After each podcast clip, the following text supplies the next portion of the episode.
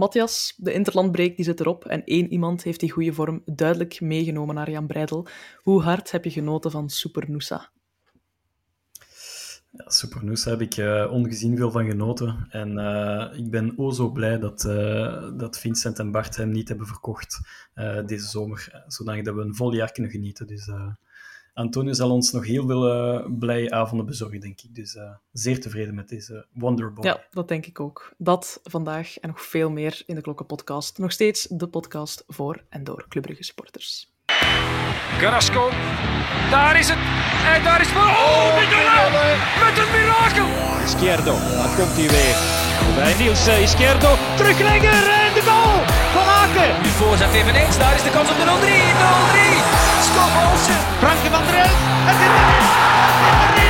Nee, hij heeft tijd om te kijken en er eentje uit te pikken. Bijvoorbeeld Nielsen. Oh, wat een goal. Oh, wat een goal. Ik zeg het. Schitterende goal van Club Brugge. Alright, Nicola, de interlandbreek die is inderdaad voorbij. We mochten weer gaan voetballen in Jan Breidel. We begonnen een beetje druilerig uh, tegen Charleroi. En uh, blijkbaar hebben we daar ook in het verleden al vaker punten tegen laten liggen. En het was ook uh, een, een, veel stuggere match dan misschien de meesten uh, hadden gehoopt. Wat is een beetje jouw algemene ja, kijk op die wedstrijd, als je het zo in een paar woorden mag omschrijven? Ja, nee, dat klopt al. Hij zegt, Hannes. Charleroi, het zwarte beest uit het zwarte land. Um, en Club heeft inderdaad al in het verleden regelmatig punten laten liggen. Vorig jaar nog 2-2 tegengespeeld, 0-2 achtergekomen toen, toen nog uh, mooi teruggekeerd. Het was een van de weinige betere Parker-wedstrijden dan, denk ik. Uh, of tweede helften. We zijn uiteindelijk ja, toch nog op 2-2 gekomen. Um, maar over het algemeen, wat mij heel tevreden stemt, en dat is iets dat we bij Club toch al een heel seizoen lang zien, is die mentale weerbaarheid telkens ook. Hè. Twee keer achterkomen in een wedstrijd en toch erop twee keer gaan en dan op het einde nog helemaal erover. Um, ja, dat is toch hetgeen dat mij uh, heel, heel positief stemt na zo'n uh, na zo'n wedstrijd. Ja, dat klopt, dat klopt wel. Want club was vroeger inderdaad, zeker als je kijkt naar vorig seizoen, veel gemakzuchtiger en veel sneller. Zo van, oké, ja, het stopt hier. Uh, en dat is inderdaad wel helemaal veranderd sinds begin dit seizoen. Ik weet niet of dat je er hetzelfde over denkt, Matthias? Ja, klopt volledig. Uh, dat was ook de analyse van de meeste uh, ja, analisten rond de wedstrijd, zelfs de supporters, zoals ik hoorde zo hier links en rechts uh, op Jan Breidel. Um, bij een 2-2 had je vaker het gevoel van oké, het, het gaat hierbij blijven. Maar gisteren had je als supporter, en dat voel ik persoonlijk heel hard, nog altijd de hoop en, en dat we erop en erover gingen gaan. En, en oké, de rol van Noosa, ik kan niet zeggen dat die uit het niets kwam, maar, uh, maar die bleven maar druk zetten. En vooral opnieuw, en dat is een zoveelste uh, wederkerende feit onder Deila, zijn wissels waren uitstekend. En uh, oké, Casper Nielsen heeft nu niet het grootste verschil gemaakt, in tegendeel. Maar, um, maar Ferran Jutgla en Antonio Noosa waren voor mij de twee absolute uh, game changers in deze wedstrijd. Um, dus bijzonder tevreden met die twee, met die twee wissels. Uh, maar voor mij lag het probleem vooral, en oké, okay, Charleroi is en blijft onze zwarte beest. Niet alleen van ons, ik merk ook dat dat echt een zwarte beest is, ook van, um, van, van Genk, van Gent en van nog andere ploegen in, uh, van de top 6 uh, in, in het algemeen. Maar voor mij lag het probleem eerder um, op het middenveld deze keer. En we gaan daar waarschijnlijk later op terugkomen. Um, Rafa Onyedika werd een klein, klein beetje op de korrel genomen deze ochtend uh, in de media door onder andere Mark de Grijze. Uh, ergens snap ik het punt wel van Mark. Die zei van, uh, oké, okay, Rafa is een fenomenale voetballer en, en een uitstekende uitvoetballende zes. Maar in zo'n wedstrijd heb je misschien nood aan een, aan een secure uh, verdedigende middenvelder à la Timmy Simons. En die dan heel snel kan spelen, maar die vooral um, ja, mede de centrale verdedigers kan helpen. En er waren veel te veel gigantische gaten um, zaterdagavond uh, op het middenveld, waardoor dat ook een Hugo Vetlessen begon te zwemmen, want het was ook een van zijn mindere wedstrijden uh, van dit seizoen. Dus nee, het probleem ligt mij vooral niet echt in de verdediging of, of aanvallend, maar vooral op het middenveld. Ja. Waardoor natuurlijk dat de verdedigers het, het, moeite kregen. Ja, en ook, zoals de Grijze zei, Onyedika wil ook vaak heel graag tonen dat hij heel goed kan voetballen. Hij kan ook ongelooflijk voetballen. Maar inderdaad zo dat pure defensieve tactische loopwerk, zoals Timmy Simons dat inderdaad eh, een meester in was destijds, want dat was geen supervoetballer. Um, dat ontbreekt hij nog een beetje soms. Um, naast dat heel goed kunnen uitvoetballen vanuit die zespositie, want dat is er wel degelijk. Ja, en natuurlijk, de, de, de openingsfase van club En dat was voor mij misschien het meest verrassend van allemaal, want ze hebben, ze hebben echt wel allez, zes volle dagen, nee, zelfs twee weken gekregen om zich voor te bereiden. Ehm, de openingsfase, de eerste 10, 15 minuten, waren echt rampzalig van club. Ik zag een club à la onder Parker en Hoefkes zich volledig uh, laten indompelen in de, in de pressing van de tegenstander oké, we zeggen vaak, en er wordt vaak gezegd, uh, club na een interlandbreek heeft het altijd lastig, want we verliezen heel veel spelers aan vele nationale ploegen, en dat is nooit een goed teken. Maar, um, maar zo'n een, een, een slappe, tamme club, de eerste 10, 15 minuten, had ik wel niet verwacht.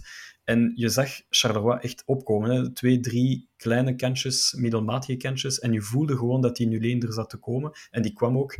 En uh, oké, okay, fantastisch schot van uh, Guillagon, denk ik, uh, ja. voorbij, voorbij Mignolet. Maar uh, veel te slap begonnen. En, en de tweede helft was exact hetzelfde. 15 minuten, veel te slap van club. Dus uh, dat moet echt, echt beter. Ja, absoluut. Als we de opstelling er eventjes bij nemen, dan waren er drie wijzigingen ten opzichte van de wedstrijd tegen Gent. Uh, Noosa moest starten op de bank. Uh, Speleers kwam er terug in voor Boyata en Buchanan, die zitten met een blessure. Uh, Sabbe die mocht TJ dit keer vervangen. En ik ga eerlijk zijn, ik, ik miste TJ wel. Ik, had niet verwacht dat ik dat vaak ging zeggen. Ja? Maar ja, toch wel. Uh, Sabbe heeft wel een, een, sterke wedstrijd gespeeld. Maar soms miste ik zo toch een beetje die, die kwaliteit van TJ. Uh, zeker omdat hij nu met een andere ja. passie ook begonnen is aan het seizoen. Ja, nee, dat is waar. Maar goh, ik vond wel de energie die Sabbe bracht. Um, het is wel een beetje gelijkaardig type met like, ja, zoals een Buchanan. Want is dat iemand die continu ook die flank op en af loopt. Zot, en ook een heel goede assist op de 2-2. Heeft een goede voorzet in de ja, voeten. Dat is waar, uh, ik, heb, ja, ik, snap, ik snap wel je punt. Um, Buchanan is misschien wat meer uh, wendbaarder en nog uh, ja, iets fraaiere voetballer dan, dan de stugge, geblokte Sabbe. Vanuit dat perspectief snap ik. Maar puur verdedigend en puur zijn werk doen. En, ja, en vooral dat, die flank erop en eraf lopen, vond ik hem eigenlijk uh, een heel sterke wedstrijd spelen. Uh, Kiriani Sabbe. Ja, mm -hmm. ja, ik reken hem zelfs bij de betere, uh, samen met Maxime de Kuiper. Maar, ja, Kuiper, dat ging ik ook nog die begint mij helemaal te overtuigen. Dat is echt onze, onze brommer aan de, aan de linkerkant. En Sabbe, ja, nee, ik heb eerlijk gezegd, ik heb, um, ik heb TJ niet per se gemist. Natuurlijk, het is altijd tof om TJ erbij te hebben, want dan heb je meteen twee opties. En zeker met de Conference League en met de vele wedstrijden die, die eraan beginnen te komen, is dat een hele belangrijke. Um, ik heb eerder TJ gemist meer in het defensieve compartiment, want uh, TJ is iemand die puur op snelheid en met zijn stevige lichaam zomaar een speler kan, kan inhalen. En we hebben dat zeker gezien ook in Gent, dat we een TJ hebben gemist. Maar aanvallend, ja, Sabbe, prachtige voorzet op Mechelen. En, um, en hij brengt aanvallend heel veel bij. Dus um, voor mij was het eerder een, een, een Scovolsen die, die wat onder de verwachtingen mm -hmm. bleef uh, uh, zaterdag. Maar je weet bij Skof, en dat is al een beetje een, een constante dit seizoen, hij zit niet in de wedstrijd, maar hij zorgt altijd voor een assist hm. of een doelpunt. Dus hij moet nu weer, natuurlijk blijven staan. Nu weer ja, een assist, hè? Nu weer een assist ja. voor Thiago, hè? Want ik vond hem ook... Um, in onze groep werd wel gesakkerd op Zinkernagel ja, die zat ook niet fantastisch in de wedstrijd, maar ik vond Scovolsen er eigenlijk nog minder in zitten als ik dan um, nee, de klopt. wedstrijd heb bekeken. Ja, dat klopt. Um, maar ja, hij maakt dat wel het verschil. Hè. Dat is het verschil dan en, ook weer. En Skov heeft krediet opgebouwd hè, in, die, in die anderhalf jaar, twee jaar dat hij bij ons zit. En Zinkernagels is, is gewoon fenomenaal aan het seizoen begonnen. En oké, okay, op Gent was een, een, moeilijke wedstrijd voor hem. En, en zaterdagavond ook. Um, en vooral, je ziet ook met in het achterhoofd Noosa is een, is een wereldvoetballer aan het worden in die korte periode. En iedereen hunkert ook naar, ik wil Noosa zien spelen, want ik kom naar Jan Breidel om Noosa te zien spelen. Ja. Dus dat helpt ook niet in de perceptie van de supporters van, oké, okay, Zinker doet het minder, we kijken uit naar Noosa. Ja, en je, je voelt dat ook, op het moment dat Noosa in die ploeg kwam, dat publiek werd gewoon zot weer. Hè. Jan Breidel werd, werd ja. recht gek en iedereen, en ook als tegenstander moet er zoiets zijn van, oh damn, Noosa komt op het veld, nu zijn we Jos, nu ja. gaat het heel lastig worden. Uh, dat is natuurlijk wel een geweldige joker dat je achter de hand kan houden. Hè. Zeker en het gekke is, Deila zei achteraf dat Noosa er werd twee uur voor de wedstrijd beslist om die toch nog op de bank mee te nemen, omdat hij blijkbaar fysiek en mentaal was hij moe. En, en uiteindelijk heeft, heeft de speler zelf de, de, de, de, doorslag gegeven en gezegd van kijk, neem hem toch maar mee op de bank, want you never know. En moest je mij moeten gebruiken, zet mij er dan in de laatste 30, 20 Mhm. minuten. Mm -hmm. Ja, en zo schieten. Hè. Um, ja. uh, maar hij heeft ook fantastisch gedaan in de interlandperiode. Assist voor Haaland en, uh, en Eudegaard. Um, ik denk dat menig Premier League ploegen er wel uh, ja, Ja. van smullen zo, als ze, als ze die assist zien. Zeker op die, die van Haaland. Het enige jammer is dat Haaland hem niet kwam feliciteren eh, voor zijn assist. Dat is het enige jammer, vond ik. Maar Ja. voor de rest Ja, maar eh, achteraf de foto in de Ja, ja, kleedkamer. tuurlijk, eh, tuurlijk. met zijn, het was precies zo eh, twee, twee fans en Antonio Nusa erbij. dus dat was, dat was ook tof om te zien. En, en hij heeft vooral ook zijn eerste goal gescoord hè, in Ja. de wedstrijd ervoor. Dus nee, nee, ik denk dat iedereen, elke topclub in Europa heeft Antonio Nusa eh, klaarstaan op zijn papiertje. En ik ben zo, zo, ik zei het in het begin, zo blij dat dat club hem niet heeft verkocht. En vooral ook dat de speler wilde blijven. Want ik denk als Nusa een klein beetje doorduwt van ik wil toch naar Chelsea, ja, dan zet hij, dan zet hij gewoon bij Chelsea. Zo Ja. simpel is het. Ja, hij heeft mij En nu is het hij nog heeft meer, want... iets- Zo, zeg ja, maar zeg maar hoor. Nee, zeg maar, Ah. Geen probleem.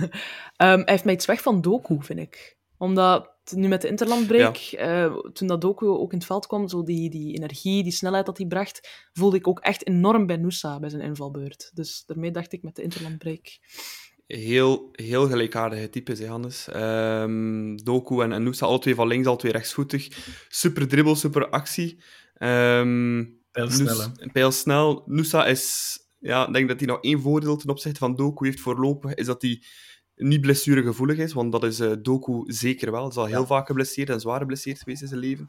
Ehm, en ja, dat zijn wel de kwaliteiten dat ze van die Europese topploegen wel graag zien. Hè. Eh, Doku nu ook dit weekend tegen eh, West Ham. Zijn eerste goal, een prachtige goal gemaakt voor Man City. Dus ehm, ja, als, als Nusa zo blijft evolueren bij club, ja, dan, dan gaat hij wellicht ook diezelfde tour opgaan. En ook bij gelijkaardige ploegen als een City wel terechtkomen en daar ook spelen en beslissend zijn, eh, denk ik.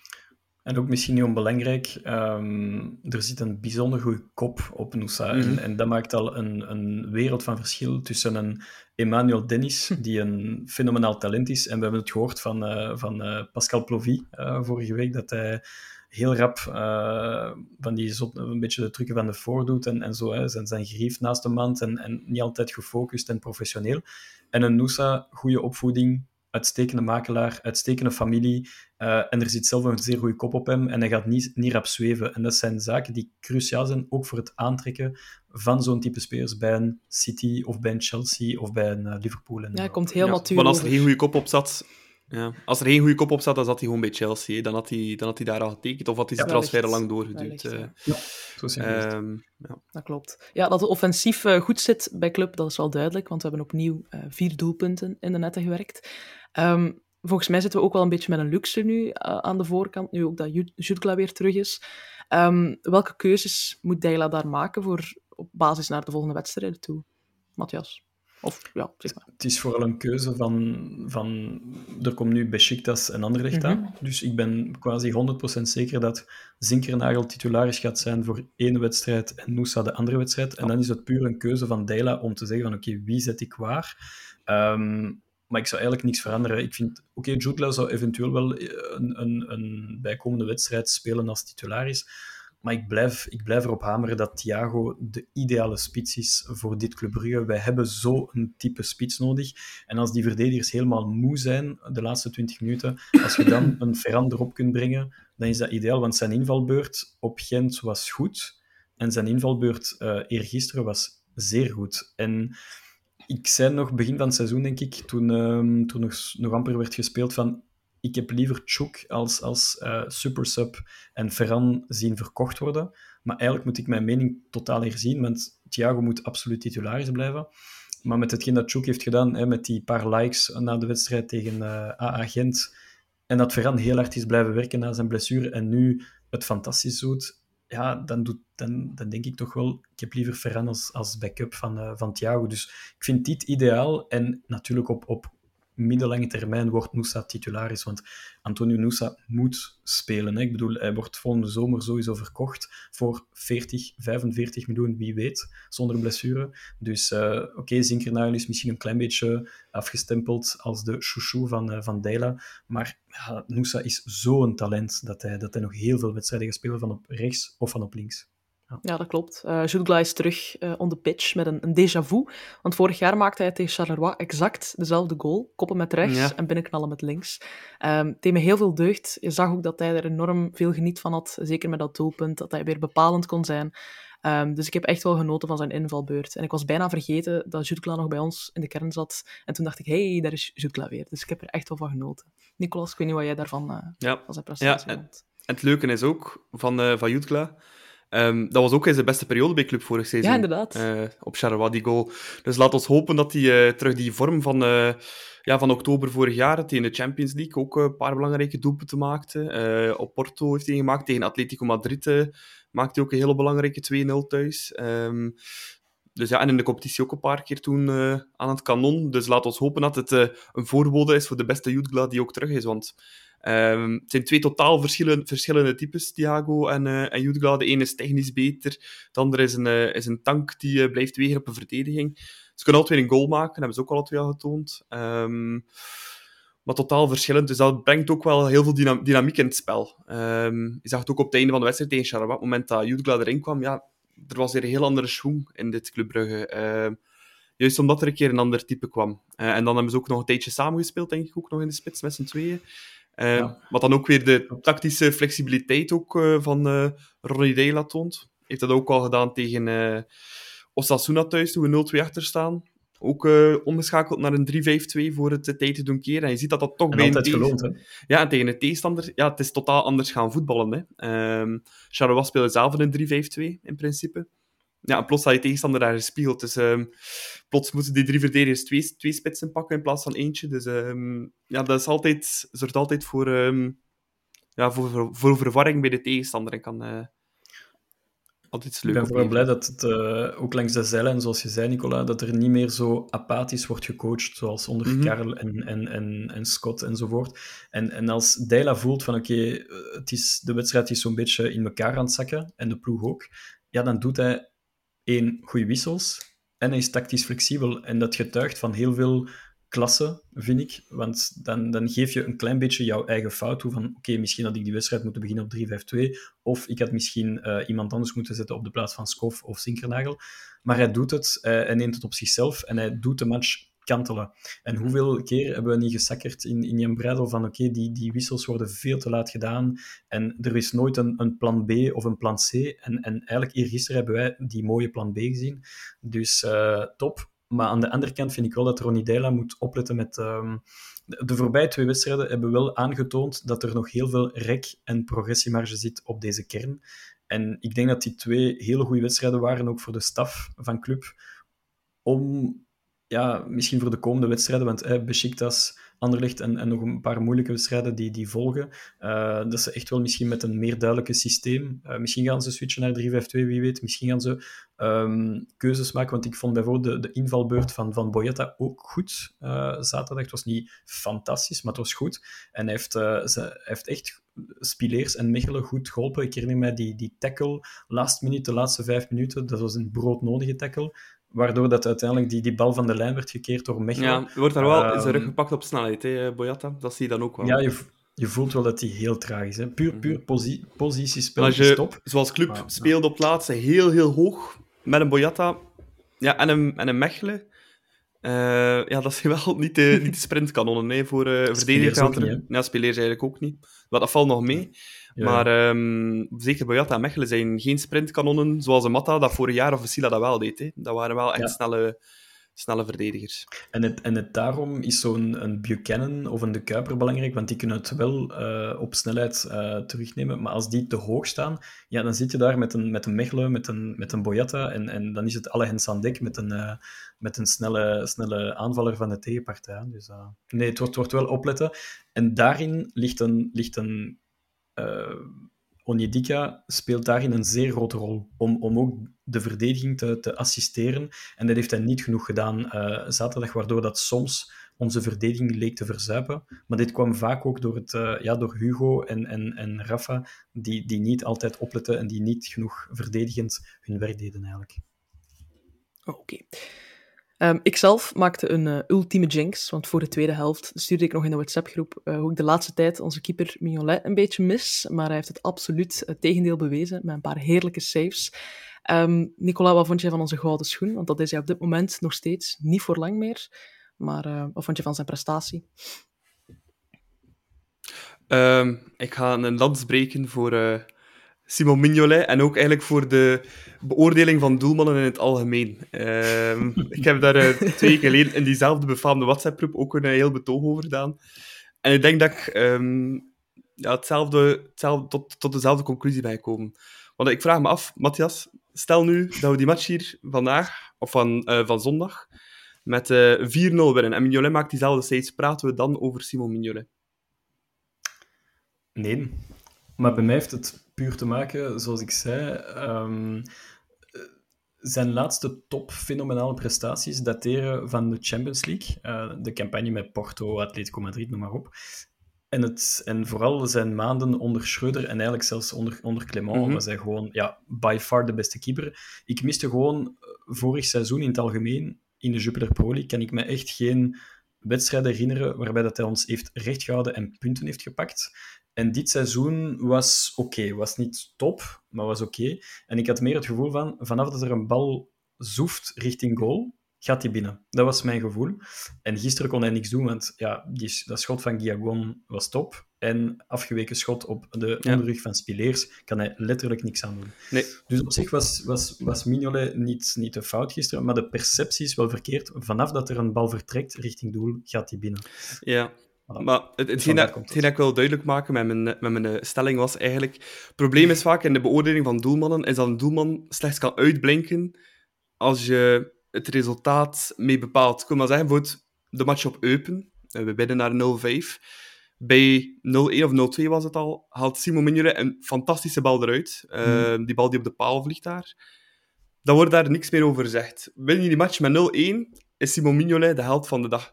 Dus de facto kun je in de perceptie ja. vaak pas als doelman de held zijn als je ja. het resultaat bepaalt. Maar eigenlijk heb je, dat, heb je dat zelf niet in de hand. Je hebt dat zelf niet in de hand.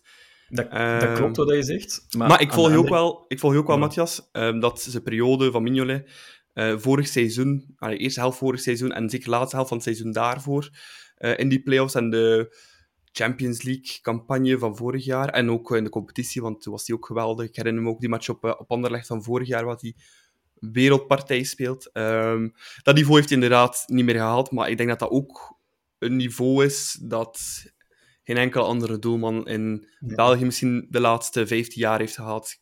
Als ik kijk, kijk wat voor doelman die dat niveau hebben gehaald, denk ik misschien aan een Courtois in het kampioenjaar van Genk. Um, en ja. denk niet dat er veel Matthew Ryan was ook was een ronde, hè, maar, maar wel Ja. niet ver. Maar nee, nee, dat klopt wat hij zegt. En, en vooral, allee, ik heb Dat was altijd in mijn een uit, uitzonderlijk, uitzonderlijk hoog niveau voor de doelman. Ehm, Ja, ja, dat klopt. Maar Simon Mignolet heeft natuurlijk het, het, ehm, de perceptie ook bij de, bij de meeste fans. Hij verdient zoveel miljoenen Ja, per klopt. jaar. En het is een keeper die eh, gekiept heeft bij onder andere Liverpool. En, en hij heeft ons gewoon doen geraken aan zeer goede wedstrijden en zeer mooie saves. Dus als je zoveel gewoon bent van een topkeeper als Simon Mignolet, als die plots een jaar amper iets doet in, in een volledige kalenderjaar in de Jupiler Pro League, dan blijf je heel hard op je honger vallen. En dan denk je, moeten wij dan echt zoveel betalen voor een Simon Mignolet, terwijl dat we misschien een, een even goede keeper kunnen hebben op Jupiler Pro League niveau, eh, van, van een, voor minder miljoenen en minder salaris. Maar ja, natuurlijk die tweede helft tegen Charleroi, daar heeft hij weer getoond bij die twee, drie saves. En vooral die laatste was echt fenomenaal Ja, die ene dat hij daar naar de grond gaat, die lage bal, Goh. eh, in die eerste hoek. Ja, die, allee, bij, eh, van de 18 ploegen zit hij eh, bij 16 of 17. Ben, die, denk Ja. De enige doelman dat ik kijk vind in België, die een beetje... Ja, inderdaad. Die vind ik in, eh, op, een beetje op hetzelfde niveau acteren als de Mignolet, Ja. maar voor de rest... En een, en een Nardine een zeer goeie, in een zeer goede fase kan die ook wel halen. Maar eigenlijk, zoals je zegt, 80% van die keepers, dat, dat is gewoon goal. Dat is gewoon binnen. Bijvoorbeeld die, die kopbalgoal van Mechelen tegen Hervé Koffie. Ja. Dat is- Ik vind dat gewoon een fout van de keeper. Ik vind dat de keeper die echt wel uit zijn doel moet ranselen. Eh bon, des te beter voor ons natuurlijk. Maar het toont nog eens aan dat Mignolet echt wel bij de top 2 keepers ligt. Wel, altijd. Wel leuk voetenwerk van die Hervé Koffie. Ik heb nog nooit zoveel risico eh, gezien van een keeper. Als je dacht dat Mignolet soms risico nam... Dat, is, eh, dat was een beetje Bob, eh Copa Boubacar-vibes eh zaterdagavond. Ja. Ja, niet alleen eh, Mignolet was bepalend op, eh, op het gebied van defensief vlak, eh, maar ook de man met het masker. Hij was een beetje opvallender door eh, zijn uiterlijk. Brandon Mechelen was heel bepalend, vooral in de laatste fase uh, maakt hij daar een hele mooie verdedigende actie. Ik heb ervan van genoten en dat is nog eens lang geleden dat ik Brendan Mechelen echt pluimen kon geven dat hij echt heel bepalend was. Matthias, wat vond je van zijn prestatie? Ja, top. Hè? Ja, ik bedoel, zijn, zijn, wedstrijd aan zich was, was gewoon goed. Uh, zonder meer, zonder min. Um, maar die save op de lijn met de tip van zijn schoen en dan naar buiten. En dan zie je, die, die, dan zie je Spileer springen op hem, Mignolet. Ja, daar doe je het voor als verdediger. Ik denk dat hij, dat, dat hij ongelooflijk heeft genoten van die save op de lijn. En het is spelbepalend, want het was toen 3-2 minuut 88, 89. En uh, net na die tackle van Boyetta, die vlam van Heijmans, geloof ik. Um, en, en op de lijn gekeerd van, van Mechelen. En, en net daarna, ik denk twee minuten later, scoren wij de 4-2 met, uh, met Jugla. Dus enorm spelbepalend. Um, nee, nee, fantastisch. En ik ben, ik ben oprecht blij voor hem. Echt ja, waar. en ik ga nog een suggestie doen voor, uh, voor Brandon hou dat masker aan, want hij heeft ook al in het verleden een paar keer met dat masker gespeeld. Hij speelt altijd goed als hij een masker aan heeft. Dus, dat klopt. Ja, dat klopt. Misschien moet hij het gewoon niet afdoen en uh, dat beetje als signature houden. Ja. Voor zijn eigen in de, in de kijker te zetten. Ik wil ook misschien even terugkomen op um, de goal van Noosa, de 3-2. Um, want iedereen spreekt natuurlijk over het is een goal van onze wonderboy Noosa. Maar eigenlijk heeft uh, Ferran Jugla evenveel ja. verdiensten bij die goal. Want als Jugla niet vliegt op die bal, waardoor dat Hervé Koffie niet exact weet wat dat hij moet doen, en uiteindelijk gaat die bal binnen, ja, dan, dan, dan denk ik oprecht dat Hervé Koffie gewoon die bal plukt. En, en, en dan is het wegkans. Dus Ferran Jugla heeft een enorme aandeel in de, in de 3-2. Mm. En de goal van Mechelen dan, omdat we toch over Brandon bezig waren, dat is heel goed gekopt. Hè, want dat is verdorie moeilijk. Want die bal kwam juist achter hem. Hè. Om hem ja. dan nog zo mooi te plaatsen en goed te koppen. Uh, ja, het is ook echt een hele knappe goal. Uh, zeker voor de niet zo mega-atletische Brandon Wechelen misschien. Uh, niet ja. de soepelste van de bende, maar wel zeer technisch heel goed gekopt. Hè. Uh, na die eerste paal die bal achter je krijgen en hem toch nog kracht achter steken. Het is ja. niet simpel. En ook mooi om mee te nemen, het was een volledige nek, Club Next achterhoede met, met uh, Brandon Mechelen van de belofte. En dan Spileers, De Kuiper, Sabbe. Ja, het is, oh, my, ja. ik vind het mooi om te zien als supporter, als je die vier ziet naast elkaar. Uh, ik heb nog de foto gezien na de wedstrijd, met, uh, waarbij ze alle vier zo naast elkaar stonden. Een beetje gelijk uh, op Mechelen vorig jaar hebben ze dat ook zo gedaan, zo'n leuke foto met nekspelers. Ik vind het echt iets hebben. En, um, en deugd om te zien dat, dat uiteindelijk ja, het team van Gideon Prodom en Club Next, ja, ze leveren gewoon fantastisch werk. En, en het, het loont ook bij, bij Club A. Dus het doet echt deugd als supporter om, om zoveel goede beloftevolle spelers te zien shotten. Ja. Ja, dat klopt. Is er iemand die nu Club Next een beetje volgt in de... Ik heb de wedstrijd... Hans vooral, ja, Hans vooral. Ik heb, ik heb de wedstrijd niet gezien. Ze hebben wel 1-3 verloren, uh, dacht ik, van ah, ja, uh, Luik, FC Luik. Wel uitgekookte ploeg. Niks, uh... Geen slechte ploeg, maar ja, oké. Okay, dat, is, dat blijft een leerproces. Hè. En vergeet niet, die ploeg wordt elke, elk jaar kaal geplukt door Club A. Hè. Dus, en uh, Sabbe zat daar. ja, Cisse Sandra is weg, Oudor is weg, Spileers is weg. Uh, keeper is weg, Lammens is weg. Uh, Sila. Sila. Uh, Ordonez zit nu ook in de A-kern. Uh, dus ja, dat is elk jaar opnieuw bouwen. Hè. Dus Van Next is eigenlijk... De waardemeter is eigenlijk wat, wat je er voor de A-ploeg van krijgt en niet wat de, per se de resultaten zijn op het veld voor die, voor die Next-spelers. Het enige belangrijke is qua resultaat dat ze in die 1B kunnen blijven voetballen. Hè. Ja. En ook, en ook leuk, en daarom vind ik wel dat ze zich deze zomer serieus hebben versterkt met een uh, Faraz, met een, uh, met een Granados, uh, met een Barbera, die ook momenteel bezig is bij Club Next. Dus ik, allee, ze, doen, ze willen natuurlijk een kern van, van beloftevolle Belgische spelers houden aangevuld met een paar zeer leuke uh, buitenlandse transfers. Uh, ik weet dat, dat, ze van Granados het allerbeste uh, hopen. Dus nee, nee, ze leveren daar echt wel heel goed werk. En natuurlijk gaat dat gepaard met een paar moeilijkere momenten, zoals die late tegendoelpunt op Lommel, die moeilijke wedstrijd op FC Luik. Dus ja, dat is, ja. dat is it's part of the groeiproces. Hè. Ja, dat is, dat is het beste leerproces dat je kunt hebben als voetballer, denk ik. Voor zoiets mee te maken als altijd roze geur en maneschijn is, en dan kom je plots in de A-ploeg kan het wel een keer uh, tegenzitten ook. En op dat vlak is Maxime de Kuiper een levend bewijs van even een stapje terugzetten, Westerlo, promotie maken, uh, een, een, volwaardige basisspeler zijn bij Westerlo. En hij zei het zelf, denk ik, in, zijn, uh, in een, een, een, interview dit weekend. Hij zei, de beste keuze die ik heb gemaakt in mijn carrière was naar, uiteindelijk naar DNB, naar Westerlo te gaan. En zie nu, Maxime de Kuiper is niet meer weg te denken uit de, uit de basis. En ik denk nog altijd, als Meijer gaat terugkomen straks, dat hij gewoon naast elkaar gaan spelen het, lijkt me bijna een uitgemaakte zaak dat de Kuiper niet meer op de bank gaat belanden en dat Meijer gewoon de plek gaat innemen van ja, Spileers of Mechelen. Ja, hij heeft ook een van fenomenale voorzet. Heeft drie of vier assists al dit seizoen, uh, Maxime de Kuiper. Ja. En als Thiago een beetje beter kopt, heeft hij ook weer een assist uh, dit Ja. weekend. Ja, met, met zijn Ehm, rechter was ongelooflijk. hè. Ja, maar dat is, dat is, dat is een wapen, die, die linker. En ook dat schot daar, dat net voorlangs gaat. Ehm, Juist. ook op tegen Osasuna ook die knal op de paal. Dus eh, hij heeft wel een goal gemaakt in Osasuna, maar als het allemaal nog een beetje meer mee zit, heeft hij nog veel meer cijfers, hè, Maxime de Kuiper. En hij heeft ook vooral een, een serieuze stap gemaakt op vlak van... ehm ehm, allee, vroeger was hij, na, na 60, 70 minuten, was helemaal leeg.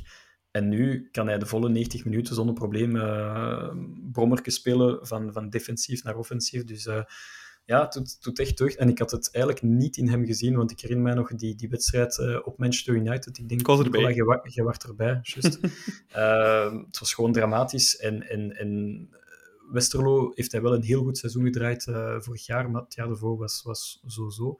Maar kijk, het, is, uh, het doet deugd. En vooral, het is een speler die club van is.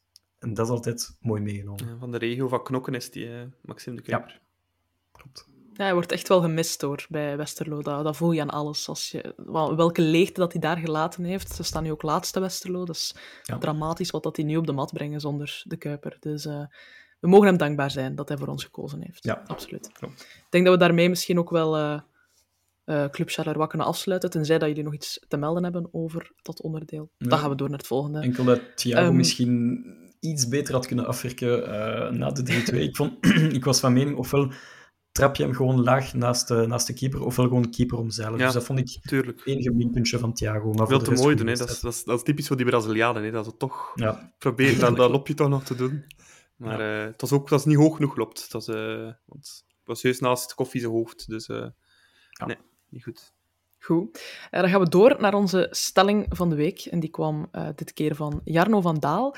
En hij had wel een interessante vraag. Uh, zijn de abonnementsprijzen voor de Conference League te duur volgens jullie? Ik heb het eventjes bekeken.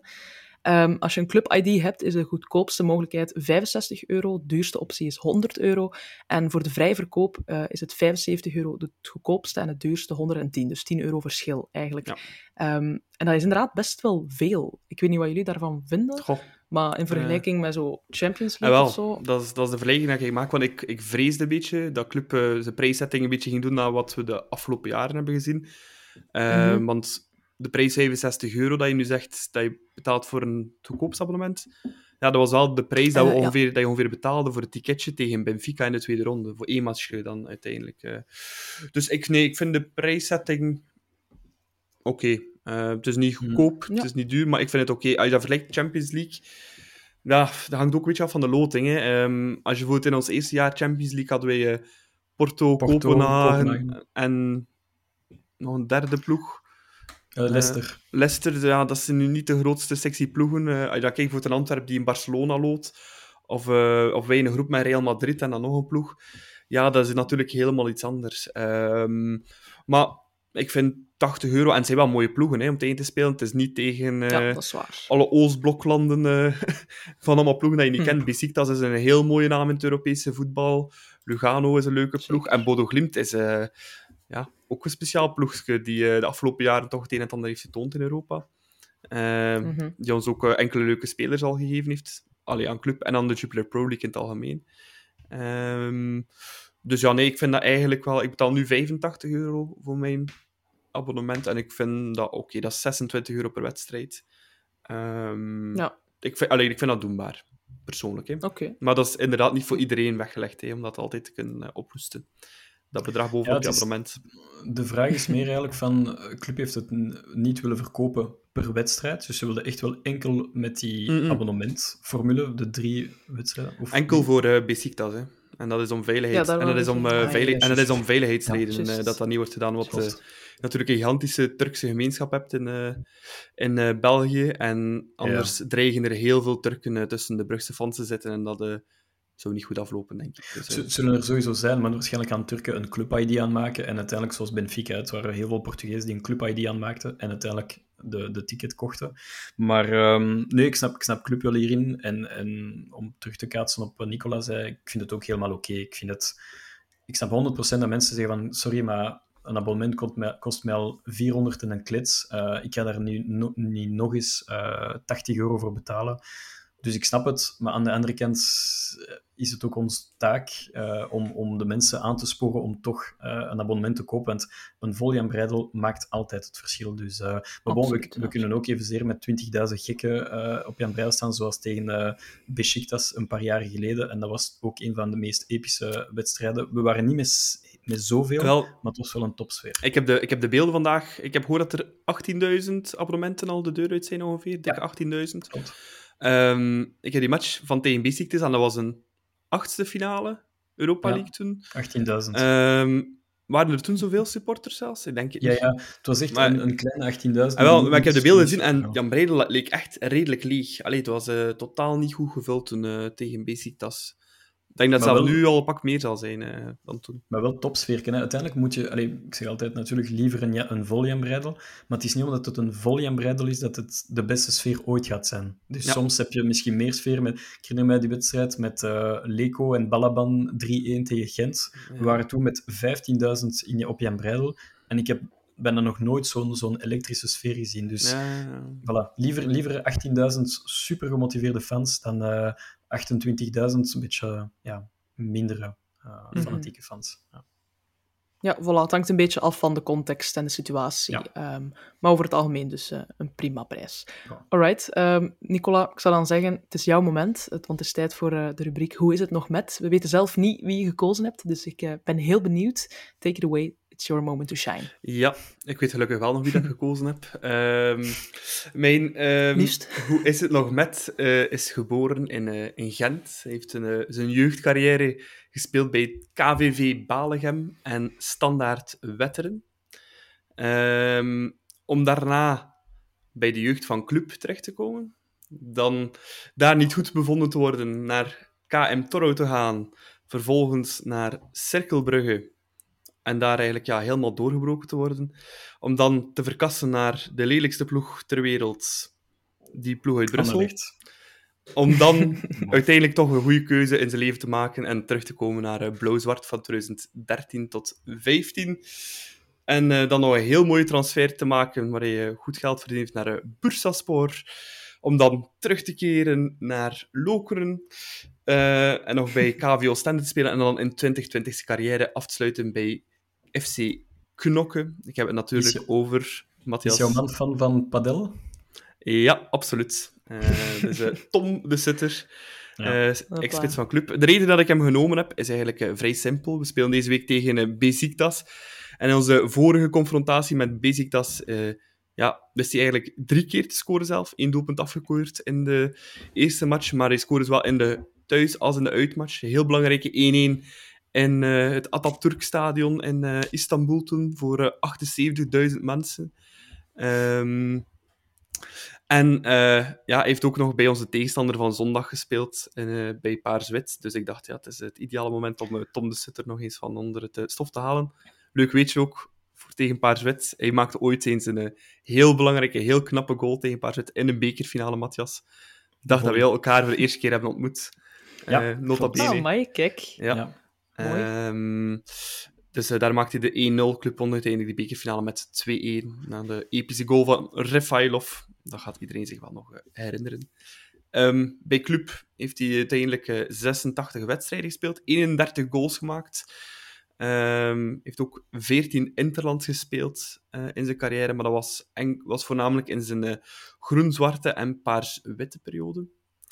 En uh, tegenwoordig, zoals Matthias het zegt, uh, is um, Tom Sutter een enorme fan van padel. En uh, is ook mede een van de redenen dat als je zelf graag padel speelt, je dat ook effectief speelt. Want hij heeft een van de eerste padelclubs in België opgericht, de Arenal in Brugge. En intussen heeft hij al acht clubs in Vlaanderen, twee in Nederland. En is die gefusioneerd met Padel World van niemand minder dan van uh, Mark Koeken daar eigenaar van is. Dus, uh, ik, ben, ik ben quasi 100% zeker dat de eerste padel ooit in België effectief... Uh, ja, ja, ja. Van, van de Arenal in Brugge. Ja. heeft leren spelen, want het is heel toevallig. Ik ben twee weken geleden op Mallorca geweest. En Arenal is een wijk vlakbij Palma de Mallorca. Ja. Hij heeft het daar leren kennen. En dan zo de Arenal opgericht hier in Brugge. Dat is trouwens hier op twee kilometer van mijn huis. Ehm, ja, en in de tijd al eh, tien clubs, waarvan twee in Nederland, en gefusioneerd met uh, Marcoeka. En inderdaad, zoals Matthias zei, uh, de eerste, denk de allereerste padelclub zelf Ja. in, in België opent. Ja. Dus de, als u de reden zoekt achter de hype, zoek het vooral bij eh, Tom de Sutter. ja. Mooi, leuke speler. Ja. Mooi profiel. En eh, Fijn. ja, gescoord tegen Besiktas, hè, dus eh laten we hopen dat Ja. die ene Igor Thiago inspireert. Dat was zijn, ehm, zijn meest, ehm, meest hectische positieve week ooit. Zei ooit hè, dat, hij, dat hij in drie dagen, ehm, dus donderdag en zondag, hij was beslissend eh, tegen Besiktas en dan beslissend tegen zijn ex-club eh, in de bekerfinale. Een van de mijn meest epische wedstrijden als, als clubfan. Dus eh, nee, nee, het was, het was een fenomenale week voor, voor Tom de Sutter. Ik ben er nooit gigantisch fan van geweest. Eh, het heeft niet superveel te maken met zijn eh mauve verleden. Maar puur als spits was het niet mijn type spits, want hij werd ook gehaald net na Bakka. Uh, Mhm. En Bakka was een van mijn lievelingsspitsen. En plots komt er een, een Tom de Sutter daar in de plaats. Een beetje En, ander type. een volledig andere type. En ehm, ja, ik had het wat minder voor de een beetje s- lome, lome Tom de Sutter. Die was, die was zeker zijn doelpunten, want ik hoor daar eh, bijna 1 op 3. eh dus, allee, meer, dus, meer dan eh, 1 op 3. 31 ja. goals in 86 matches. Juist iets meer dan 1 op 3. Ja, wat uiteindelijk goed is. Maar ik was, ik was ook niet... Ik herinner mij dat, dat Diaby toen bij club is gekomen en Tom de Sutter is vertrokken. Dus het was opnieuw een, een betere spits eh, die eraan kwam. Dus, eh, maar voilà, wel zijn, zijn waarde gehad. En vooral die ene week Besiktas en Anderlecht was... eh, En hij heeft hem ja, ook, zeker die goals tegen Besiktas destijds, hebben hem ook zijn transfer naar Turkije opgeleverd. was een, ik denk dat hij dat ook zelf toegeven, geen sportieve transfer, maar vooral een zeer lucratieve transfer naar Bursaspor. Ja. Hij heeft daar heel goed gecashed, had daar een heel, heel dik contract. Ehm, maar heeft er wel niet lang gebleven. eh, dus, eh, Twee jaar of zo. Een ja, of maar dat is dan ook eh, bij de B-ploeg terechtgekomen. Ik weet dat dat daar eh, een zeer loesje bedoeling was, ook bij eh Bursa. Dus, Ze werden niet betaald, ze werden niet ja. betaald of zo. Hè? Ja, Ja, dat was zoiets. eh, dus, ja. ja, klopt. Oké. Goed. Ja, het is inderdaad onze eerstvolgende opwachting. Besiktas. Thuis mogen we hun eh, aantreden. Het valt mij trouwens op dat wij de laatste paar campagnes bijna altijd in Europa dan, bijna altijd thuis eh, starten en dat we die ook vaak winnen. Vorig jaar tegen Leverkusen 1-0. Ja. Jaar daarvoor dan 1-1 tegen PSG, maar dat was ook een, een magische wedstrijd. Dat was een overwinning hele voor goede wedstrijd ook. voilà, inderdaad. Ik, ik herinner me dat ook als een overwinning, maar ik vergeet altijd dat dat niet zo was. Ehm, dus nu opnieuw thuis. Misschien is het wel een beetje een patroon. Eh, ik wil het niet jinxen natuurlijk. Eh, maar goed, kijk, na twee voorrondes, een stevige play-off, mogen we meteen de sterkste tegenstander op papier eh, uit de poelen aantreden. Ehm, hoe denken jullie dat club die match moet aantreden? Want het is wel een Ah. bijzondere partij. Het voordeel is ook, die zijn met 3-0 de boot ingegaan tegen Trabzonspor dit Ja, weekend. dat klopt. Dus dat is, dat is altijd mooi meegenomen. En het is vooral een, een ploeg, eh, typisch, typisch op zijn Turks, eh, met een beetje vedetten op hun retour. Hè. Ehm, eh, bijvoorbeeld Oxlade Chamberlain of Vincent Aboubakar, die daar onderaan spelen, of Ante Rebic. Dat is wel een, nog een goede speler, denk ik. Nee, dus het wordt vooral opletten, opletten geblazen. En, en, en daarom, ik denk als we daar met, met een overwinning kunnen beginnen, ja, dan zijn we... Dan zijn we dan gaan we los, eerst of twee. Allee, gaan we sowieso door naar de volgende ronde. Maar het is vooral zaak om, om als eerste uit die poelen te geraken. Dan heb je een, een iets gemakkelijker parcours. Eh, maar het zal zich spelen volgens mij tussen Besiktas en, eh, en Club. En, eh, en daarom is het o zo belangrijk om die, die eerste wedstrijd te winnen. En, en ook zeer benieuwd wie gaat spelen. Noosa of Sinkernagel op de linkerflank. Ehm, ja, het wordt...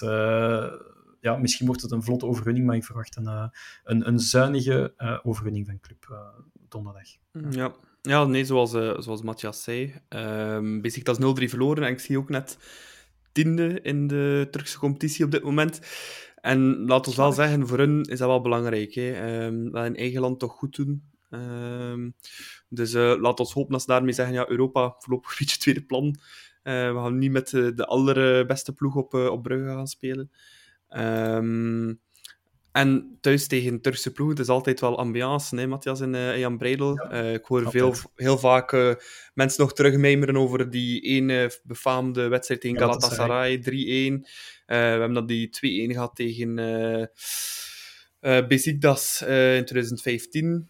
ik denk dat ze wel nog een keer hebben tegengekomen Besiktas, maar dat was nog in de UEFA Cup. En dat was enkel op verplaatsing. ja, ja, ja. De, met, ja um, toen, toen had je... Balaban had toen gescoord. Ja, maar we hebben het wel verloren. Ik denk 3-1 verloren daar. Ehm, maar dat was heel vreemd. grote Want toen had je een UEFA Cup, denk ik, met vijf ploegen. En daarvan had je er twee of drie maar thuis. Ehm, dus je had niet elke ploeg dat je thuis en uit tegenkwam. Dat is heel Ehm, vreemd. Alleen ja. vreemde eh, type. Ja, dat was een nee, dat rare- klopt. Maar we zijn toen verloren. 3-1. Ja. En, eh, en als ik het mij goed herinner, was Vedran Roenier ehm, keeper. Ja, bij, dat zou wel kunnen. Dat zou kunnen ja. Denk ik. En, en, maar ik, ik herinner mij vooral dat eh Balaban met die ehm, blauwe shirt... Ja, vond die lichtblauwe. echt een- Ja, ik vond echt een afschuwelijk shirt. Maar bon, zwart. Eh les goûts et les couleurs, zoals we zeggen. Maar eh, nee, nee, Balaban had toen gescoord in Turkije, dat weet ik nog. Ja. Ja. Ehm ja, we hebben dan Besiktas gehad eh, thuis. En dan ook Galatasaray, nog niet zo heel lang geleden in de Champions League. Dat was 0-0 thuis. Dat was geen goede wedstrijd. Ook de opener trouwens van de, onze Champions League-campagne toen.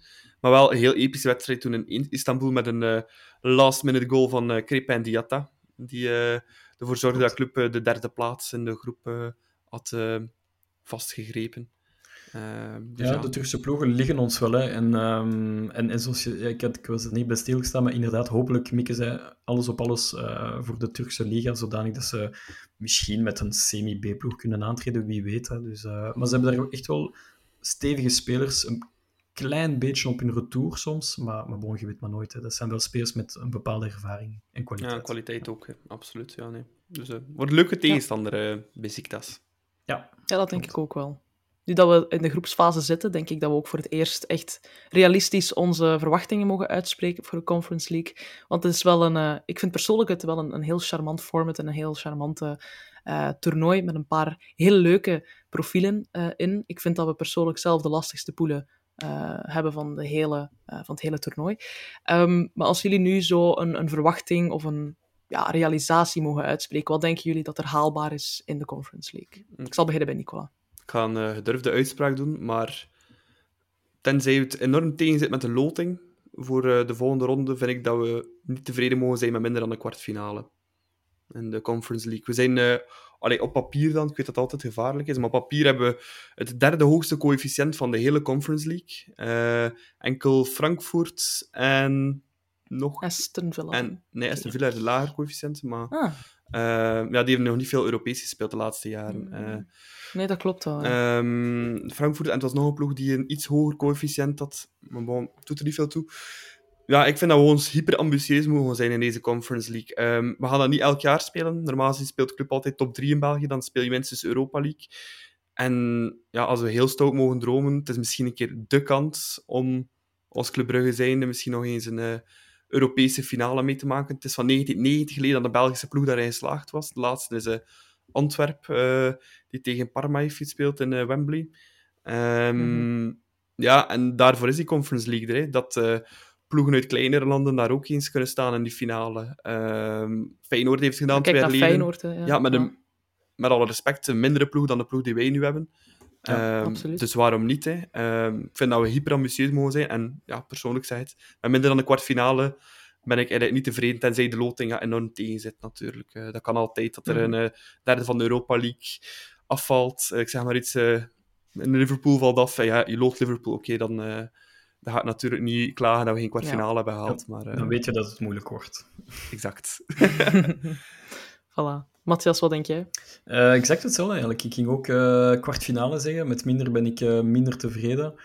Aan de andere kant denk ik ook wel, ehm, want we weten allemaal dat play-off 1, en zeker met de, nieuwe format, opnieuw met zes ploegen en met heel veel wedstrijden af te haspelen. matchen, ja. Ehm, het is altijd een keuze. Hè. Play-off 1 moet je er staan, want je wilt natuurlijk... De titel is en blijft het, het belangrijkste, vind ik nog altijd. Ehm, dus, dus als dat betekent dat we misschien eruit liggen, oké, heel spijtig. Maar als we dan misschien frisser voor de dag komen... In, eh, ik heb nog altijd traumas met die, met die Ik- wedstrijden tegen Gent. Eh, Teken je niet, Matthias, voor, een, eh, voor de tweede plaats en de finale van de, Europa, van de Conference League? dat Zonder dat je weet of dat je bent, hè? Maar ja. Ik, ik zou dat voor het wel doen. Dilemma's. Allee, voor mij is dat, dat, is, dat, is mijn kind, mijn, dat is mijn Ja, kinderdroom. ik hè. ook wel hoor. Dat is Ja, mijn ik kinderdroom om club in de Europese finale te spelen. Het is trouwens in Athene, een heel leuke bestemming. Maar mag, Eh, ik dan kiezen, mag ik dan kiezen wie de titel wint? Of? Mag kiezen wie hem die wint. Ah, dat is heel gemakkelijk. Nee, wel, nee, nee. Pas op tweede plaats en uh, finale teken ik direct. Tuurlijk, absoluut. Geen, uh, geen twijfel. Ja. Maar uh, weet je nog, die, die, die, we hebben echt de titel verloren aan, aan, aan Gent bij die kwartfinale tegen Dnipropetrovsk. Ja, dat jaar van Besiktas, hè? Ja, dat jaar, voilà, dat jaar van Besiktas, want Gedos viel uit, Iskerdo was ja, half fit, uh, Meunier was geblesseerd met pubalgie, uh, we moesten met De Fau uh, spelen ternauwernood op de back. dat zijn bepaalde trauma's die, die, mij, die mij nog altijd in mijn hoofd zitten. Dus het is altijd een afweging, maar langs de andere kant, onze kern is ook wel mooi en breed, maar dan moet er dan wel een centrale verdediger erbij komen in januari. Dat klopt. Ja, voilà. Um, is er zo'n team waarvan jullie denken, oh, die zou ik heel graag tegenkomen in de latere fase van de Conference League? Aston Villa. Ik zie het nu allemaal voor Ja, me dat zou leuk zijn. Ja, Ja, Birmingham. Ja. Birmingham. Birmingham Even eh, kijken. zou Mhm. leuk zijn. Wat ik ook plezant Ja, zou ook... vinden, Ja, moesten eh, bijvoorbeeld een Brighton afvallen van de, voilà. van de Europa League en dan naar de Conference League komen. Ehm ik vind ook bijvoorbeeld een Fiorentina, waar dat, eh, waar dat eh, Henk, nu, Henk nu tegen speelt in de Conference League, ook heel leuk. Want Firenze is een prachtige stad, heel leuke verplaatsing. Ja, en, en een epische stadion ook, hè, in Firenze daar. Dus eh, Ja, dat, was, dat was mijn droomploeg om tegen te spelen, Fiorentina. Ja.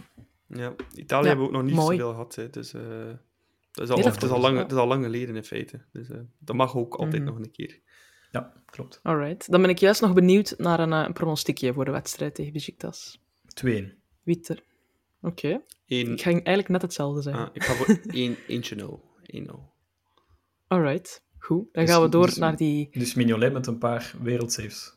Absoluut, absoluut. En matchwinnaar, hè, omdat, omdat we geen, eh, geen vijf doelpunten gaan maken. Voilà. eh. Voilà, Voilà, is dat. voilà. De, fa- de facto matchwinnaar. de facto Het matchwinnaar. zou wel zijn, het zou wel zijn als we er vijf doelpunten tegen maken. Goed. Ehm, dan is er ook nog een andere hele aantrekkelijke wedstrijd die ons eh, op het bord ligt. De topper tegen Anderlecht volgend weekend. eh, waar we trouwens geen Zeno de Bast zullen treffen, want hij pakt rood tegen Spijtig. KV Kortrijk. Heel spijtig. maar ze hebben wel eh, een stevige kern opgebouwd, dat wel. Ehm, wat verwachten we daarvan? Van, ik, ik kijk er wel naar uit, om eerlijk te zijn. Maar Nicola en ik zelf gaan mee. Eh, dus wij Ja. zitten in, Ja, het hol van de leeuw, gelezen. eh, in het hol van de leeuw zondag. Eh, ik zelf Mhm. meer in een soort van business seats via een klant. En jij zelf, Nicola, met, eh, met de away supporters. Ja. Maar eh, ja, het, zou, het zal denk ik mijn vijfde of zesde keer zijn in het, eh, in het Astridpark. En zoals ik zei, in onze WhatsApp-groep, eh, ik ben denk ik vijf keer in totaal geweest en eh, drie gelijke spelen en twee keer gewonnen. Dus nog nooit verloren. Eh, hopelijk trekt de lijn zich door. En ehm, ik, ik weet niet, tekenen jullie voor, tekenen jullie voor een, een gelijkspel? Of, of zouden wij met een gelijkspel niet echt Ik heb- tevreden zijn? Ik heb de wedstrijd gezien Goh. tegen Kortrijk van Paars-Wit. Ja, en goh, dat viel toch wel serieus tegen ze. Ehm, nog allee, ze hebben heel veel nieuwe spelers. En denk één voordeel is dat we ze nu treffen. Er, is, nog niks van, er is nog niks van automatisme. Hè. Ehm, Mhm. En ik denk ook, als je dan... Zij spelen ook 4-3-3. Eh, hetzelfde als ons. Als je dan elke speler één op één ten opzichte van die van ons zet, misschien met de verdedigers, maar ja, de Bast is er al niet bij bij Anderlecht. Mm. Ehm, Maar dat vind ik niet meteen de, de beste verdediger ook niet. Hij wordt, hij wordt, ik vind dat hij, dat hij enorm overschat wordt, uh, Ja. De Bast. Maar de vraag is ook wie gaat hem daar vervangen, want het is er ook niet, allee, daar hebben ze ook niet een eh, giga veel eh, Ja, opties. Ehm, Dus ja, nee, en zeker als ik naar het middenveld kijk, ja, dan schat ik ons middenveld wel nog een pak beter in. Ehm, als je weet dat weer belangrijkste middenvelder. Mats Rits, op dit moment bij ons ja, de bankzitter was, dan Ja. moeten we eigenlijk wel in staat zijn om dat eh, spel daar in handen te krijgen. Hè. Eh, in ik vind, ik, ik vind eh, hoe- ik ben daar heel verrast van. Eh, hij valt een klein beetje tegen, vind ik. Want ik- Delaney vond ik bijna een van de allerbeste transfers van, van Parsuit deze Mercato. Maar op dit moment valt hij tegen. Ja. Eh, Dolberg, denk ik dat hij een, een eh, ideaal type spits is voor Mechelen en Spileers om die in de tank te houden. Want er zijn wel moeilijkere aanvallers, lijkt me wel. Ehm, en sowieso gaat Torgan Hazard starten. Hè. Dat, is, Dat dat ben ik dat ook. En Ja. die was wel niet slecht ingevallen, moet ik zeggen, eh, Ja. tegen Kortrijk. Die bracht wel direct iets. Ehm, de vraag is natuurlijk, ja, kan hij dat ook al meteen 90 minuten? Want eh, hij heeft ook niet heel veel gespeeld de laatste tijd. eh Torgon Ja. Hazard. Ik Ehm, hoop wel op Sardella tegen Noosa. Dat, is- dat wordt heerlijk om te zien. Eh Noosa tegen... eh, want Sardella vind ik echt eh, een van de zwakste rechtsbacks van onze, van onze Ja, Belgische ik zou ook durven starten met Noosa. Eh, een keer tonen waar het grootste talent van België zit. Klopt. Ja, absoluut. Want ik, dat, vind Ja, ik ook, niet... eh, dat vind ik ook heel opmerkelijk. Het is, je- hebben jullie niet het gevoel dat de Belgische media plots Antonio Nusa lijken te kennen, terwijl dat, dat hele Europa Ja. die eigenlijk kent? Eh, dus dat vind ik ook altijd raar, dat ze zo, zo klopt. maanden en jaren achter staan of, of achter liggen, terwijl dat iedereen wist al een jaar geleden van ja, Nusa is een absoluut toptalent. Dus, eh, Ja, ja, ja. Judith Vorm heeft ook al een paar keer in een interview gezet zelf. Vorig jaar of twee jaar geleden al van ja, die Nusa is ongelooflijk, nog wel lang zegt. Als er één iemand is die mij kan opvolgen, het is Antonio Nusa. En nu is het, oeh, wie, hebben ze nu uit, de- uit de hoed zitten over het Club Brugge Ja, het met is- Antonio Nusa? Terwijl de, de Arnstad, Leoni, ze spelen één wedstrijd en heel België moet ervan horen. Dus het is, heel vreemd. Ja. Die Leoni ik vind dat voorlopig toch een beetje overschat. Maar bon. Misschien een gevaarlijke uitspraak eh met oogstond. Die jinxen. Vasthouden. Ja. Ja. ja, niet te vergeten natuurlijk ook het, het weerzien met eh Rits. Toch wel een beetje gevoelig. Ehm, hoe, ja, zeker omdat jullie er ook echt bij gaan zijn. Hoe, hoe gaat dat aanvoelen om zo iemand waarvan je dacht dat hij een blauw-zwart hart had, om, om die nu in een paars-wit lelijk t-shirtje te zien spelen? Maar maakt, mij niet veel uit. Eén, het is niet op Jan Breidel, Nee. dus het gaat mij... Nee, dat klopt. Ja. het- Je gaat minder die, die, dat massagevoel hebben tegen hem. En ten tweede, vind het gewoon een meeloperke eh, die daar speelt. Dus op zich eh, maakt mij, als, als supporter persoonlijk, maakt het mij echt niet veel uit om die daar in paars te zien. Persoonlijk. Oké. Ik ga hem wel uitfluiten. Ja. ik, ga het niet, ik ga het niet doen, want anders heb ik problemen. Ja. Ja. Eh, Kijk, nee, ja, ik nee maar altijd, uiteindelijk, ja, zoals Matthias zegt, het is in Anderlecht, dus dat maakt dat minder uit. Eh die impact zal minder groot zijn. Ik denk dat als hij terugkomt, dat Jan Breidel Ja, dat wel iets, iets helemaal anders zal zijn. eh Wanneer, wanneer komen ze in Jabrein? Eh, ik denk- denk nog voor nieuwjaar. Als- Ja. Ja? ja, het is niet... ja. December dan ergens. Het is niet meer zoals voor, zo van, dat je snel speelt tegen anderen en dan lang moet wachten. Dus het is zo kort op elkaar. Ja, net, Ah, net voor of net na nieuwjaar. Het is, eh, Ja, klopt. Oké, alright. Goed. Ehm, ja, voor mij persoonlijk, ik heb, ik heb Rits altijd een hele charmante speler gevonden, dus het gaat wel een beetje pieken, maar ehm, goed, het is wat het is. Eh, dan heb ik juist daarvoor ook nog een uh, pronostiekje nodig. Uh, Matthias, ik zal nu bij jou beginnen. Je tekent niet voor een gelijkspel, dacht ik dan. Of Ja, wel? maar ik denk het toch wel. Dus ik, eh, allee, ik ga voor een, Ah, ehm, voor een 2-2. 2-2 gelijkspel.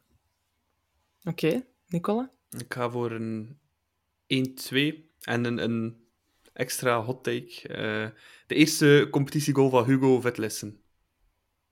Ah ja. Oké. Ja, dat is, dat Het is, mooi. het is Ja, moment voor hem. zelf... eh, Het is een big game player. Het is een big Ja, game, player. Dus eh, kijk, moment voor zijn eerste Voilà. goal te maken. Like Roman Jaremchuk, hè? een big gameplayer. nee, nee. En dan mag, Ehm. Moussa, dan mag Moussa drie man dribbelen op het einde van de wedstrijd. Voorbij Sardella. Hij struikelt achterover. En, eh, en voorbij Schmeichel dan waarschijnlijk. Eh, ja, Voilà. ik denk niet dat hij Die zal wellicht starten. Ja, Ja, ik denk dat wel zo. Met de flater van Dupé tegen Ja, het, is, het, is- het staat in, in de sterren geschreven dat Schmeichel eh, heel, heel, heel Dat denk ik ook spelen. wel. En zeker tegen Club, denk ik wel, eh, dat ze hem in doel En, gaan zetten. en ik vind het trouwens heel flauw voor die Dupé, want ze hebben hem echt beloofd Oh, op papier bijna ja. van jij bent titularis. Dat En ja, en, en het ding is ook, ik vond, ja, was de flater, ja, het, het is natuurlijk flater, maar wel serieus in het zak gezet door de verdediger ook. Hè. Dus hebben de Ja, dat klopt wel, ja. Ja, nee, de Vertongen. Ja, Die- nee, die het fouten- maar het was ik- echt ik niet meer was, weten. ja. Het was vooral de verdediger die, die, die Ja, heel die hem ook wel in het zak Mhm. zette, hè, door hem in die positie te zetten. Dus, eh, Ja, maar hij, komt er, hij komt er slecht uit, hè. zeker in de media. Maar is ja, het nu al pas op, die Schmeichel, eh, heel grote namen allemaal, maar eh, vorig jaar bij Nice eh, uitgespuwd door de supporters Niks, en een niks, heel ja. slecht seizoen Ja. gekiept. Hè. Dus, eh Ja, ja, absoluut. Ja. ehm, dus ik wil het ook allemaal Het is nog niet een keer meer... eh, ja, het is niet meer de man van Leicester. Want zien. Nee, niet meer de het was vroeger ook altijd een van mijn... Nee, nee, nee. Het was vroeger altijd mijn, mijn favoriete keeper. Zeker omdat ik, ik heb een zwak voor keepers. En hij stond altijd op mijn lijstje. En sinds dat hij naar Anderlecht is gegaan, dacht ik... Nee. Ja, en als dat betekent dat het eh, rommelt in de kleedkamer van Anderlecht, dankzij die move om Schmeichel te halen, be my guest. Ik bedoel, eh, het is alleen maar positief. Voilà. Voilà, voilà. Goed. Ehm, eigenlijk heb ik dan eh, alles besproken wat ik eh, wou bespreken. Eh, is er iets wat jullie nog graag van het hart willen? Dan is het nu het moment. We gaan die move pakken zondag. Dat moeten we mee van. Voilà. En de Turken. Come on, en, en de Turken ook. Maar de mogen toch iets liever. Als je dan toch mag kiezen voor eentje van de twee te winnen, dan toch liever zondag dan donderdag. ja, 100%. Voilà. De move moeten we altijd Het zal, eh, het zal of een hele mooie week worden of een hele slechte week. Er kan heel veel fout gaan, er kan heel veel goed gaan. Ja, of, of heel Dus, dubbel eh, gevoel kan ook. Hè. Je kunt eh, 0-2 Ja. verliezen Ja. aan Besiktas en dan eh, 0-2 gaan winnen zondag. Dus, eh, Voetbal, Absoluut. voetbal is dat is voetbal, is dat, is, dat, is het leuke, hè. voetbal, hè. dat is het leuke eraan. Hè. Inderdaad. Perfect. Dan wil ik uh, de luisteraars en de kijkers nog vragen om uh, te abonneren op YouTube, ons te volgen op Spotify en al die andere uh, social media kanalen. Twitter moet ik nu blijkbaar X zeggen, dus daar kan je ons ook op vinden. En dan wens ik jullie nog een hele fijne dag toe. Bedankt, bedankt heren om erbij te zijn. Ik heb er weer van genoten. En dan zien we jullie graag, of horen we jullie graag volgende week terug. Salutjes! Carrasco. Daar is het. En daar is het. Oh, oh met een mirakel. Izquierdo, daar komt hij weer. Bij Niels uh, Izquierdo. Teruglegger en de goal van Aken. Nu voorzet eveneens. Daar is de kans op de 0-3. 0-3. Stop Olsen. Franke van der Elf. Het is erin. Het is erin. Meijer heeft tijd om te kijken en er eentje uit te pikken. Bijvoorbeeld